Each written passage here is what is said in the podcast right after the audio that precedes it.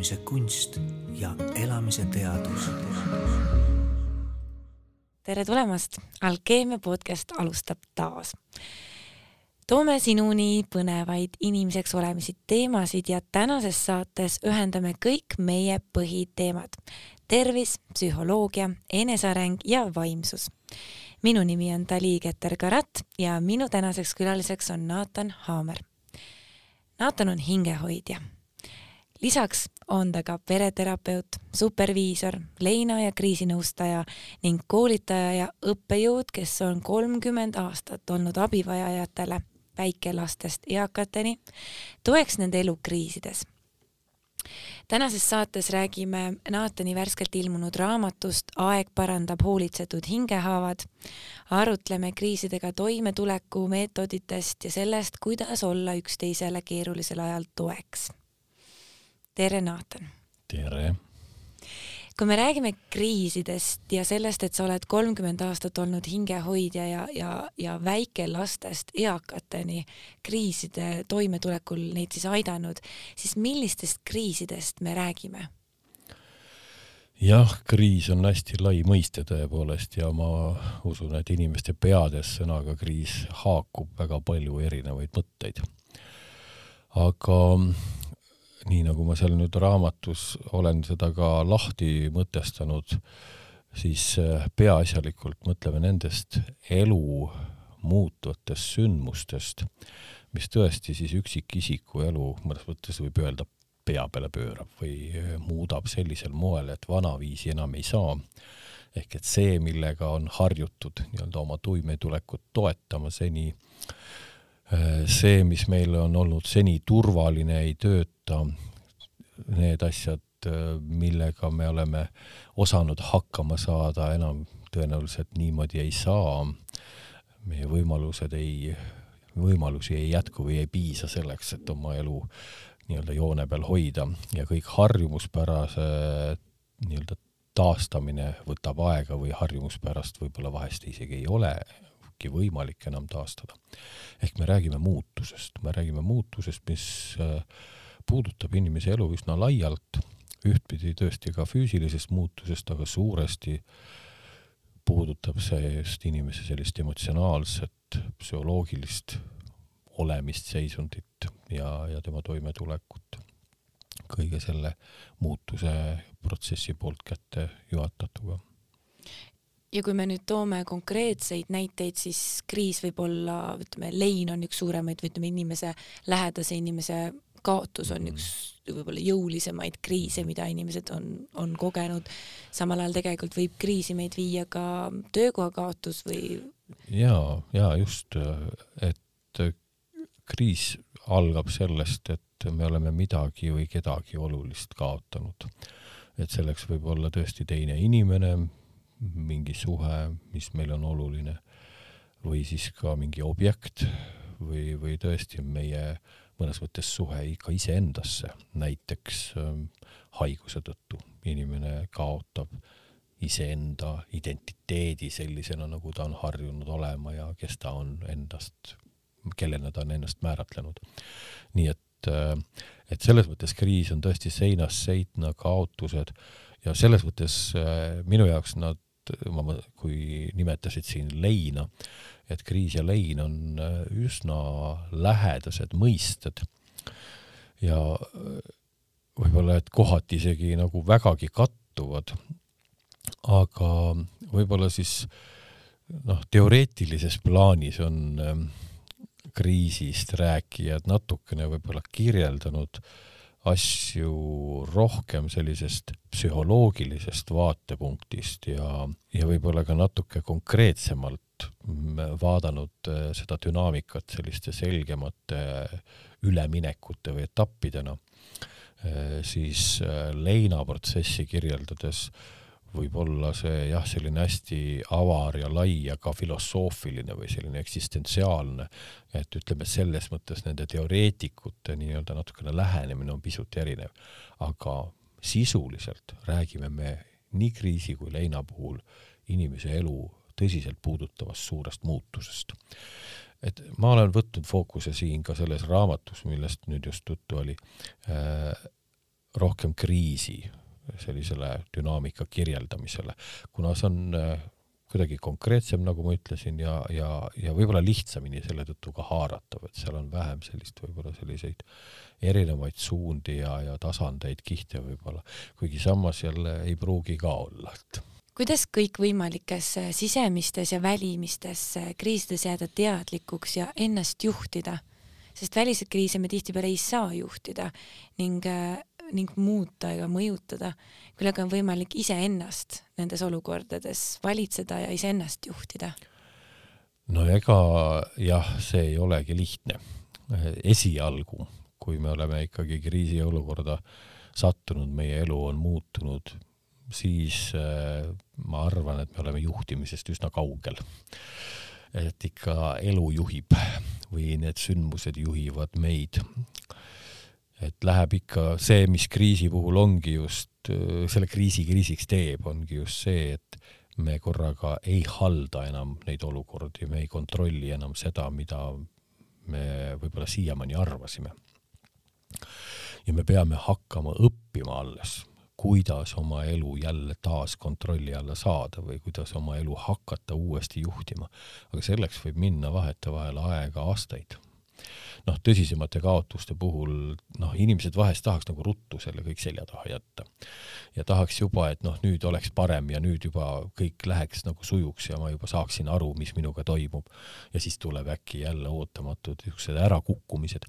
inimesed on siis jälle pettunud noh, endas sageli või, või kogu selles olukorras ja muutuses aga mõnes mõttes ikkagi see on täiesti loomulik, et esimene paar kuud võib minna meil lihtsalt kogu selle emotsionaalse äh, pulbitsemisega toimetulemiseks, sest see kõik käib üles ja alla seinast seina, kord vahepeal oleme rahulikumad ja siis jälle kõik läheb pea peale ja nii edasi.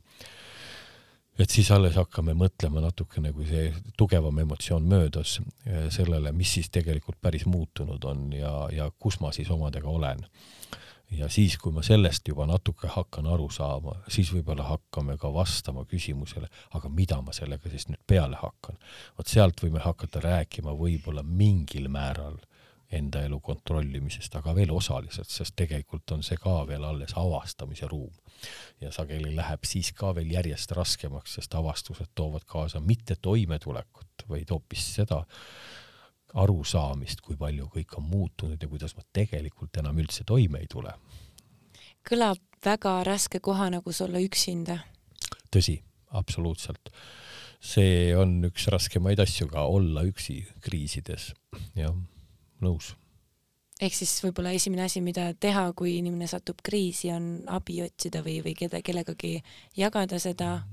ma arvan, et see on üks meie inimeseks olemise selline võlu ja võimalus, et äh, me saame suhelda teiste inimestega ja me saame oma kogemust jagada enda ümber olevate inimestega ja me saame seda sõnadesse panna, me saame seda rääkida. muidugi sõnadesse panna saab ka kirjutades, miks mitte. ja kindlasti on sellel ka oma efekt, täiesti kindlasti igasugune sõnastamine aitab kontrolli taastada. võib-olla üks selline esimene kontrolli taastamise võimalus ongi see, kui me hakkame oma mõtteid või kogu seda emotsionaalset äh, segadust ka sõnadesse panema mul on sageli inimesed ütelnud, et no mis sellest rääkimisest kasu on või mis see rääkimine aitab, ega see ei too tagasi. ja loomulikult ei too ta tagasi, ei muuda mitte midagi selles mõttes, et ta ei ennista, aga muudab selles mõttes, et me hakkame aru saama, oma kogemusest selgemini. see küll ühtpidi on valus, aga teistpidi on alus sellele, et me sealt järgmiseid samme saaksime võtta. ja teine asi, kui me jagame ja asjad välja ütleme, siis see, mis meie sees on nagu selline segadust tekitav ja, ja ärevaks ajav ja, ja kuidagimoodi äh, selline kaootiline, siis kui me hakkame seda sõnadesse panema, siis muutub see palju konkreetsemaks palju raamistutumaks. Et selles mõttes sõnad, kui nad peavad moodustama lause, siis see saab olla ainult teatud loogika alusel.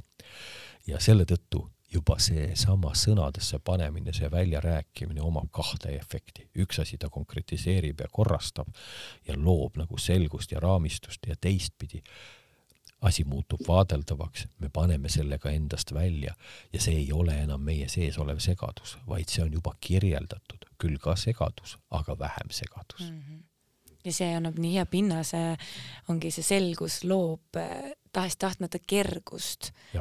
jah, et, et edasi liikuda ja nagu mm, paremuse suunas on ju. Mm. et, et selles mõttes ähm, niisugune äh, arusaam võib-olla noh, võiks inimeste juures või seas ikkagi rohkem levida või mulle tundub, et sellest võiks nagu rohkem mõelda, kui tähtis on meile tegelikult sõna, kõne, jagamine teise inimesega ja me tihti vaikime selle koha peal, kus peaks vägagi jagama. ja sellest on kahju, sest ma kahjuks kohtan inimesi, kes on väga kaua vaikinud, jätnud jagamata olulisi asju aastaid, võib-olla aastakümneid. ja siis see valu ühel hetkel on muutunud, muutub talumatuks. noh, sageli meie tervis lihtsalt ütleb üles, see ei jaksa enam seda valu kanda ühel hetkel ja ja siis tuleb välja, et mingid sellised tõsised kurvad lood, millest ei ole kunagi räägitud. mu üks kõige pikemaid vaikuses olnud lugusid oli ligi kaheksakümne aasta pikkune lugu. nii pikk? jah, ja see tuli välja ühe operatsioonieelse hirmuga ühel eakal inimesel. ja kui ta selle loo lõpuks mulle ära rääkis, mis oli juhtunud temaga päris noore neiuna, siis pärast seda noh, sai minna operatsioonile ja sai hakata paranema. et muidu oli kaua aega probleem, et ta ei saanudki minna operatsioonile mis oli tegelikult vaja selleks, et ta valudest lahti saaks mm. aga mida siis ikkagi teha, kui läheb nii-öelda käest ära või läheb lappama, nagu see kriisist tervenemine on, on ju, et, et vahepeal on funktsioneerib justkui normaalselt ja siis, siis tuleb see ärakukkumine mm. -hmm. et mida, mida siis, mida siis teha, et, et kui tekib see massihüsteeria või, või inimene kaotab selle selge mõtlemise võime ja läheb afektiseisundisse või, või no. tekivad siuksed märatsused ja vägivald näiteks või, või kas seda üldse on võimalik vältida?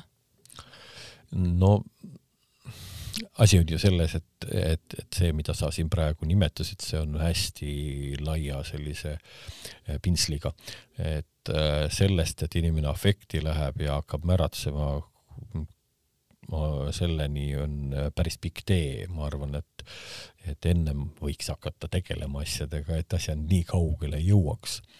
Ja ma arvan, et enamus inimesi ka ei reageeri nii või võimsalt ja jõuliselt et võib-olla on neid tõesti selline noh, mõni protsent selliseid ägedalt, tõeliselt äh, vägevalt reageerivaid inimesi, noh, nagu nähtavalt vägevalt reageerivaid inimesi, aga noh, nad jäävad muidugi meelde, sellepärast inimesed ka tihti räägivad neist. ma arvan, et enamik puhkudel on inimese kriis ja, ja see reaktsioon on suhteliselt selline vaikne, sissepoole pöördunud ja mitte nii väga väljapoole nähtav aga ega see ei tähenda, et see lihtsam oleks, ega see ei ole kergem kanda. teha, teha annab päris palju, no see, mis me juba rääkisime, jagamine, rääkimine, suhtlemine teiste oma lähedaste sõprade tuttavatega. no vahest inimene ütleb, et mul ei ole kellelegi rääkida. sageli, kui hakata inimesega järgi mõtlema, et noh, oleks küll inimesi, aga no mis ma neile oma, neil on omagi mured ja mis ma siis nüüd jagan.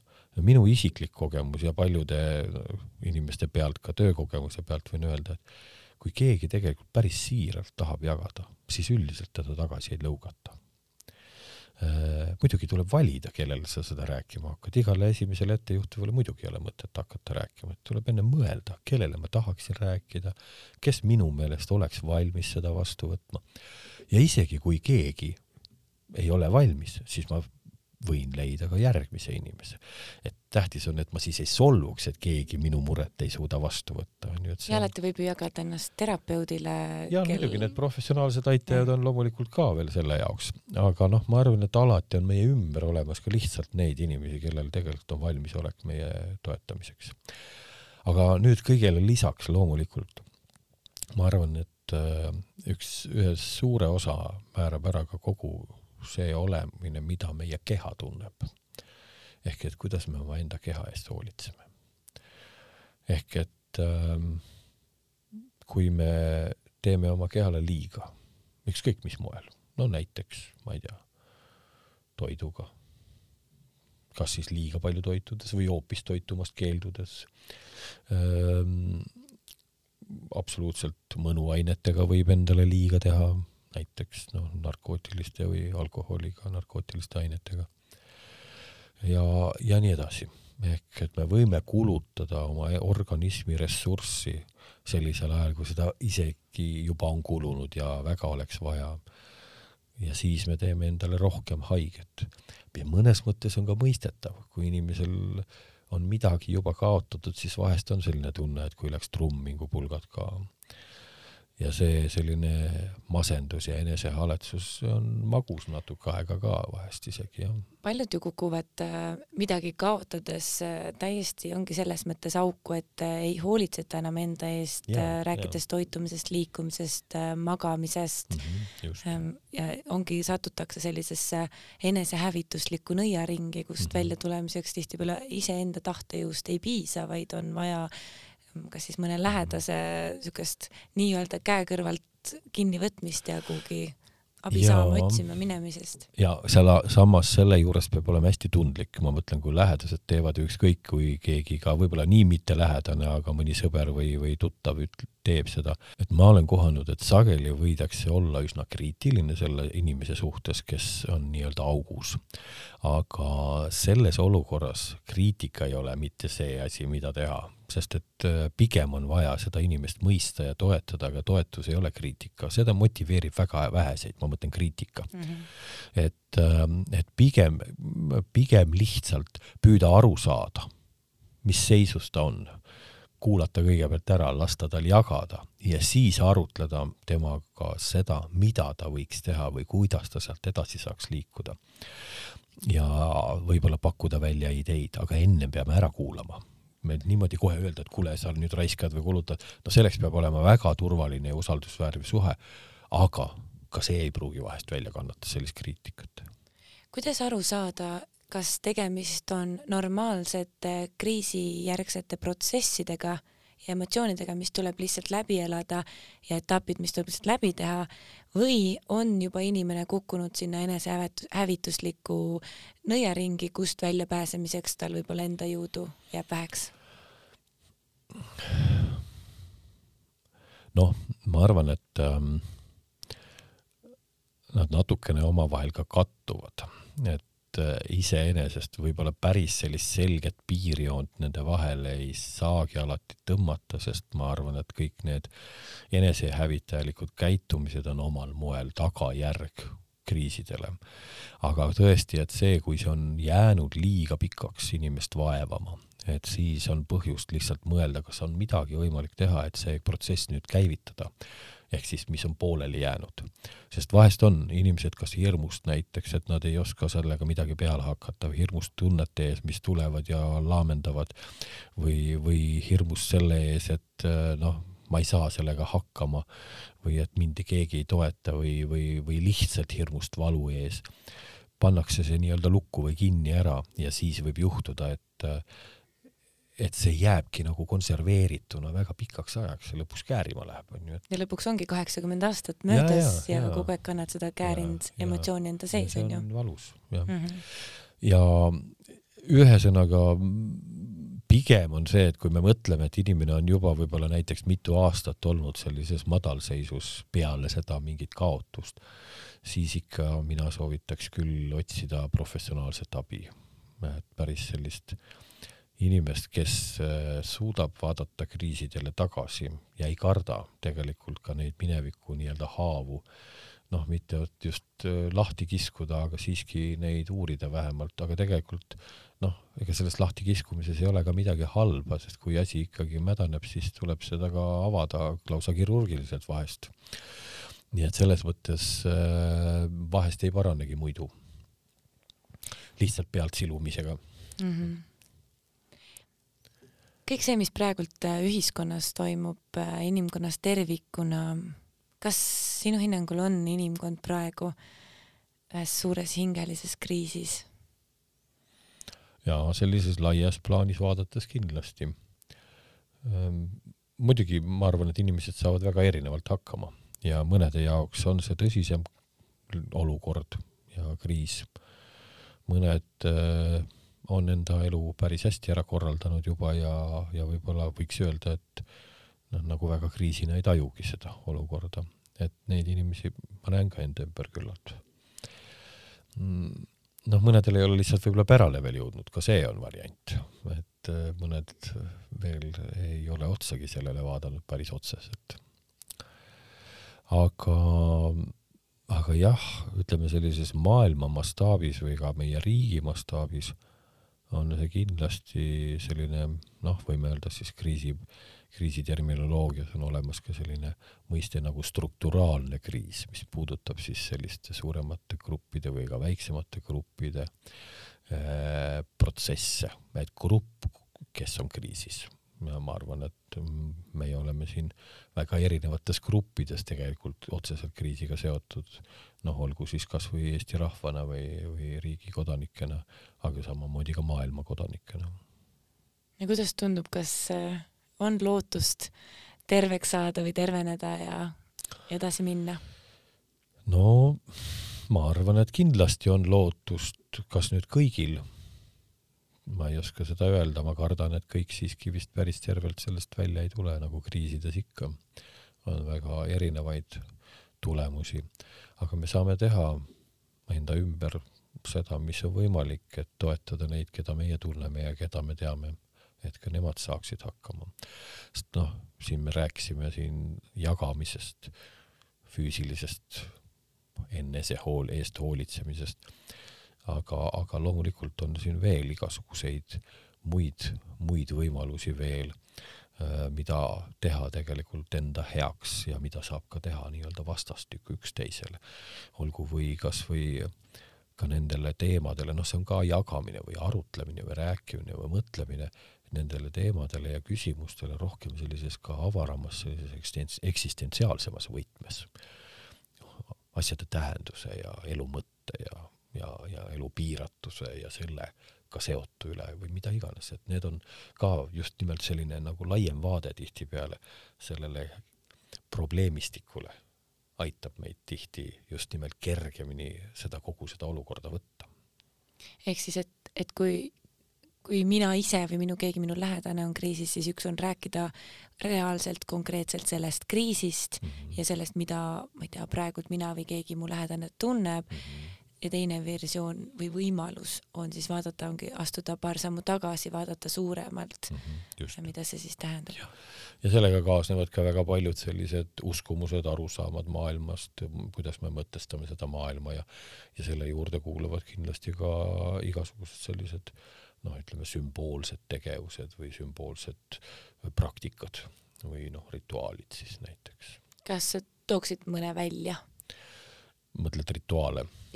noh, see sõltub inimese maailmavaatest ja usust, et noh, mina olles siin kristlane, siis minu jaoks on näiteks selline regulaarne pühapäevane kirikus käimine üks, mis loob minule sellist turvalist rütmi ja tasakaalustab mind ja minu jaoks see püha paik omab väge. Ja see on ka midagi, mis mind toetab ja teistpidi annab see ka mõtte kogu sellele inimese elule või annab sellise arusaama, et, et äh, need asjad, mis siin täna, täna juhtuvad, ei ole kõik, vaid et elu läheb nii ehk naa mingil moel edasi. Ja sellel on mingi tähendus või sellel on mingi väärtus. Ja ma võtan seda kui ühte osa oma elust kuigi see ei pruugi alati lihtne olla. alati ei meeldi kõik, mis mu ellu satub, aga sellele vaatamata, kui ma näen seda laiemalt, ei pea ma sellega protesti tegema, protesteerima seda, selle vastu. kus on ja mida näeb ja mõtleb kogu praegu maailmas toimuvast Jumal? no kui ma näen, tema pähe näeksin äh, Jumalat niisugusel moel ma ilmselt ikkagi ei saa kirjeldada, mida ta mõtleb. Äh, sest muidu ta, siis ta ei oleks enam Jumal. aga siis ma võiks vabalt tema koha üle võtta ju. Aga ma arvan, et ähm, noh, vähemalt minu usuga käib kaasas see, et Jumalal on head plaanid inimesega. ja vähemalt äh, mina võin vaadata tagasi oma elu rasketele kaotustele, siis ma olen nende eest ainult tänulik. Äh, ja ma arvan, et äh, see võikski olla meile ka võib-olla selline võti või vaade asjadele, et kui on raske, siis see annab meile mingi lisaväärtuse. ehk et ähm, ma olen siin vahetevahel parafraseerinud ühte piiblilauset, et kellele on palju antud, sellelt palju nõutakse. ja just nimelt selle mõttega, et kui keegi omab selliseid tõsiseid kogemusi, kaotuse kogemusi ja need enda jaoks on kuidagi ära lahendanud või neist läbi käinud, siis on tal mingi ülesanne või vastutus jagada ka seda tarkust ja kogemust teistega. Ja ma arvan, et äh, nii võiks ka võtta kõiki neid kogemusi, mis meie elus on, et see on tegelikult meie tarkus. see on see, mis teeb meid selle maailma suhtes palju läbinägevamaks ja, ja võimekamaks paljudes olukordades ka võib-olla teisi jõustama. ehk siis, et kõik, kõik on hästi ja kõik läheb hästi? ma arvan, et üks oluline asi, mida ma oma elus ja töös ka noh, iseendale kõigepealt öö, olen püüdnud äh, Äh, selgeks teha ja jõuda selleni, on äh, võtta oma elu vastu sellisena, nagu ta on ja mitte selle vastu protesteerida. ja olla selle eest tänulik, mis kõik tuleb. see ei tule alati sugugi väga lihtsalt olla tänulik mingi noh, päris paraja nätaka eest. see selles hetkes seda. on ka nagu raske olla tänulik. ja, ja, ja loomulikult. aga et teha sellega tööd, et jõuda selle tänulikkuseni ka selle paugu eest, mis sulle on tulnud. ja siis sa korraga hakkad nägema selle väärtust.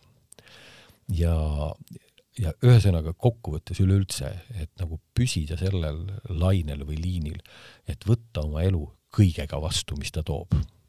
ja, ja alati on mingid lahendused või alati on mingid võimalused või, või tekib just nimelt, kui sa oled nagu selles vastuvõtulainel, siis tekib ideid, siis asjad lähevad lahti, siis hakkab midagi juhtuma. kui sa kogu aeg nagu protesteerid vastu ja, ja, ja rammid vastu ja, ja püüad teha kõik, et noh, et see, ma ei ole nõus, ma ei taha, siis võib aastaid rammida vastu ja mitte midagi ei juhtu. ja tõesti, sa oled ühel hetkel täiesti väsinud, sa oled täiesti läbi kõigist sellest vastu rammimisest. aga lasta lahti võtta see vastu ja ütelda ka selle eest aitäh. see on raske, aga väärtuslik oma raamatus äh, Aeg parandab hoolitsetud hingehaavad räägite sellisest asjast nagu batuudi efekt. mis see on? mis on batuudi efekt kriisi võtmes? ma olen äh, seda raamatut kirjutades mõelnud, et ähm, et ta oleks natuke nagu põnevam või et ta ei oleks päris selline noh, nagu Äh, õpik. õpik ja tavaline selline viis kirjeldada kriisi. vaid ma olen üritanud leida ja tegelikult mul endal ka peas kogu aeg käivad sellised pildid või, või kujundid. ja, ja see batuudi efekt äh, tuli ka ühe inimesega rääkides, kui tema kriisidest rääkisin. ja just, et ähm, noh, kõik kujutavad enamasti ette, kuidas lapsed batuudi peal hüppavad ja, ja seal on nüüd, kui me räägime siis kriis, mis viskab meid nii-öelda alla, meie elu kuskilt tasandilt ja me langeme. Ja batuut oleks justkui see, mille peale me langeme, et me ei kuku alati kunagi mitte päris puruks või, või, või, või sellise vetrumatu pinna peale, vaid, vaid me tegelikult kukume nii, et me maandume kuhugi, mis tegelikult, kui me sellele väga vastu ei punni, võtab meid ka päris pehmelt vastu nüüd äh, üks kõige lihtsam võimalus on mitte vastu panna ja jälgida, kui põhi tuleb, siis sealt koos selle energiaga üles hüpata kui me oleme kriisiga kogu aeg kaasas, me ei protesteeri vastu, me laseme oma emotsioonidel tulla, me oleme valmis jagama. me oleme kohal sellega, mis minuga toimub ja, ja võtame selle valuga vastu täiega, nii nagu et ei tuleb. suru emotsioone alla. ei vaid... suru alla mm, -hmm. ei püüa selle vastu võidelda, ei püüa ka peita, varjata enda eest teistele, ütelda, oh ei ole midagi, kõik läheb mööda või, või vastupidi, noh, nagu hambad ristis suruda läbi ennast sealt. et me ei tee midagi niisugust, mis nagu äh, paneks meid sundseisu siis siis me tõesti hüppame sealt üles ja tegelikult see kriis laheneb kiiresti. nüüd teine võimalus on batuudile võib ka kukkuda ja mitte midagi teha. no siis me vetrume natukene seal pinna peal ja jääme lebama. no ühesõnaga, paljud inimesed rakendavad seda, nad ei tee mitte midagi, nad lihtsalt on oma sellises kurbuses, jõuetuses ja see mõnes mõttes kasvab järjest suuremaks. ja siis sealt üles tõusta noh, pead sa püsti ennast ajama, esialgu on väga ebakendelgi veel, miski ei toeta, patud vajub alt ära, onju. aga noh, põhimõtteliselt on võimalik mingil hetkel sealt tõusta, aga energiat läheb palju rohkem. kõige hullem variant on, kui me jäigastume. vot see on see, kui me kõige vastu protesteerime, võitleme, me ei taha, ma ei ole nõus, hambad ristis või kuidas iganes või valetan endale ja teistele, mul pole midagi viga. siis ma võin kukkuda ja mis iganes, murda mõne oma jäseme või, või siis saab isegi pehmel batuudil ja, murda jäsemeid. saab, jah, kui ma ei käi selle vetrumisega kaasas, kui ma hoian ennast jäigalt, siis võib selja murda, selgroogu murda vabalt mm, -hmm. mida iganes. ehk et, et see on kõige ohtlikum variant. ja et batuudi efekt ongi siis see mõte, et kui me tegelikult langeme, siis me saame sellesama langushoogu, hooga üles ka lennata, kasutada seda hoogu ära kui me vastu ei punni, kui me võtame selle vastu, mis tuleb ja laseme langusel kanda ennast ja siis ühel hetkel ka üles heita meid. ja mulle endale isiklikult meeldib hästi see mõte, et äh, elu on nagu sinusoid üles-alla, üles-alla nagu ja nii. niimoodi me siin mm -hmm. võngume läbi elu, vahepeal on need sügavused lihtsalt äh, sügavamad ja pikemad, vahepeal on ja, kõrgused ja. ka samamoodi pikemad ja, ja nagu veel rohkem kõrgustes mm. -hmm. ja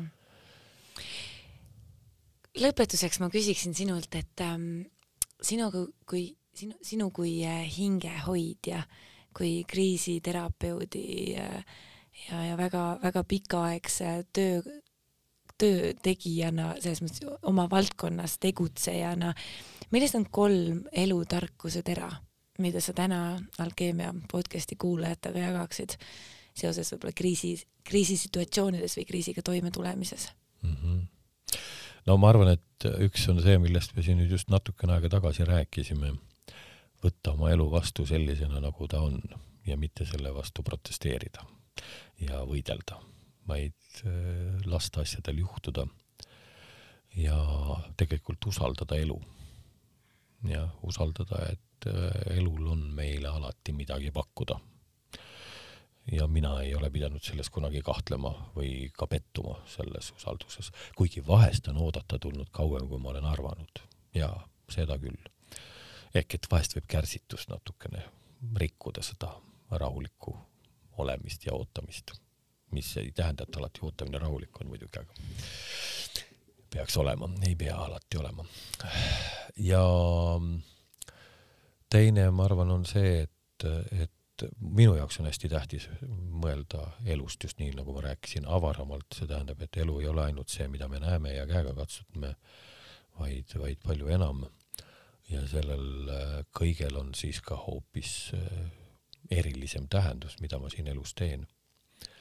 ja see tähendus ei lähe minuga hauda, vaid see jääb kestma. ja jääb minuga kaasas kestma, koos kestma ja ma arvan, et see suurendab veelgi usaldust, mitte ebakindlust. ja võib-olla kolmas asi ongi, et hirm on väga halb abivahend. et, ähm, et kui me midagi saame teha, et hirmust vabaneda. ja noh, hirm kõige sügavamas mõttes on ju surmahirm, hirm enda, oma elu kaotamise ees et siin ka see nii-öelda avaram mõte aitab tegelikult sellest hirmust lahti saada. aga ma arvan, et alati oma hirmudega tegeleda ja võib-olla ka vahest, mul nüüd tuleb veel mõtteid. jaa, palun, väga huvitav. on hea ka mõelda, et ähm, kust tulevad hirmud või kust tuleb võib-olla see tunne, et midagi on väga valesti. see võib olla seotud, meil on kujunenud välja mingid tahtmised mingid arusaamad, vot nii peab. ja need on mudelid, mis meie peas saadavad meid võib-olla juba palju aastaid. Nad ei pruugi isegi meilt pärit olla, võib-olla meie esivanematelt või, või kuskilt kokku kombineeritud. ja kui nüüd asjad ei lähe selle plaani või selle mudeli järgi, siis oleme me üsna rahulolematud ja nii võib isegi lausa tõsisesse sügavasse depressiooni jõuda. sest kui ma näen kogu aeg, et asjad ei ole nii, nagu peaks, lihtsam oleks küsida endalt igapäevaselt, mis on mu vajadused. ja see aitaks tegelikult aru saada, mida ma päriselt tõesti nüüd ja siin vajan. ja see plaan, mis võib-olla on aastaid justkui õige olnud, võib täiesti osutuda täiesti kasutuks ja valeks. ehk et lahti lasta ka plaanidest ja noh, võtta nagu vastu seda ja mis tuleb ja küsida enda vajaduste kohta. ja see ei ole isekas üldse. Ma arvan, et siis me õpime ka teiste vajadusi märkama ja vastama neile. et see tegelikult teeb meid empaatiliseks, tundlikuks nii enda kui ka teiste vastu ja siis hakkab maailm palju paremini sujuma. jälle vähem togimist, vähem vastapanu, vastupanu, vähem, vähem sellist nurkadel löömist ja, ja, ja haiget saamist jaa, väga huvitav ja väga põnev ja tundub, et praegu sellel ajal, kus me, kus me täna siin elame ja mis meil siin, mis meie väikeses Eestis, aga ka laias suures maailmas üleüldises toimub eh, nii ühiskondlikul kui ka tervise tasandil, siis, eh, siis see kriisiteema tundub suhteliselt aktuaalne olevat ja mm., ja teps mitte selline, mis meil siin kuu aja pärast läbi saab ja, ja mis, mis justkui enam rohkem tähelepanu ei vaja, vaid tundub, et see on üks osa meist, kes on juba täna kriisis, on üks osa kindlasti, kes, kellel see kriis võib-olla ähm, avaldub või, või kuhu nad kukuvad mm. alles siin aja, mõne aja pärast just.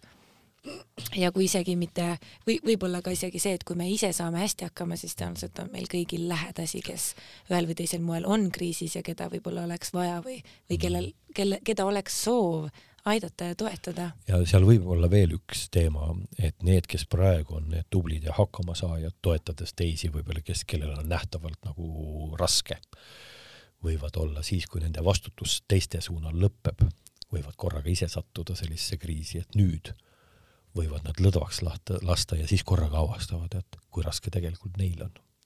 nii et selles mõttes ka võib-olla mingil hetkel võib olla, et need tublid ja, ja toimekad ja hakkama saavad inimesed vajavad tegelikult nende tuge, keda nemad ennem on toetanud. ja nii et see raamat Aeg parandab hoolitsetud hingehaavad on, kõlab nagu vajalik öökapiraamat praegu saadav on, saadaval on see siis ähm, Pilgrimi kirjastuse kodulehel www.pilgrim.ee mina tänan, äh, Naatan Haamer, sind selle huvitava vestluse eest. usun, et lisaks minule nautisid seda vestlust ka kõik meie kuulajad.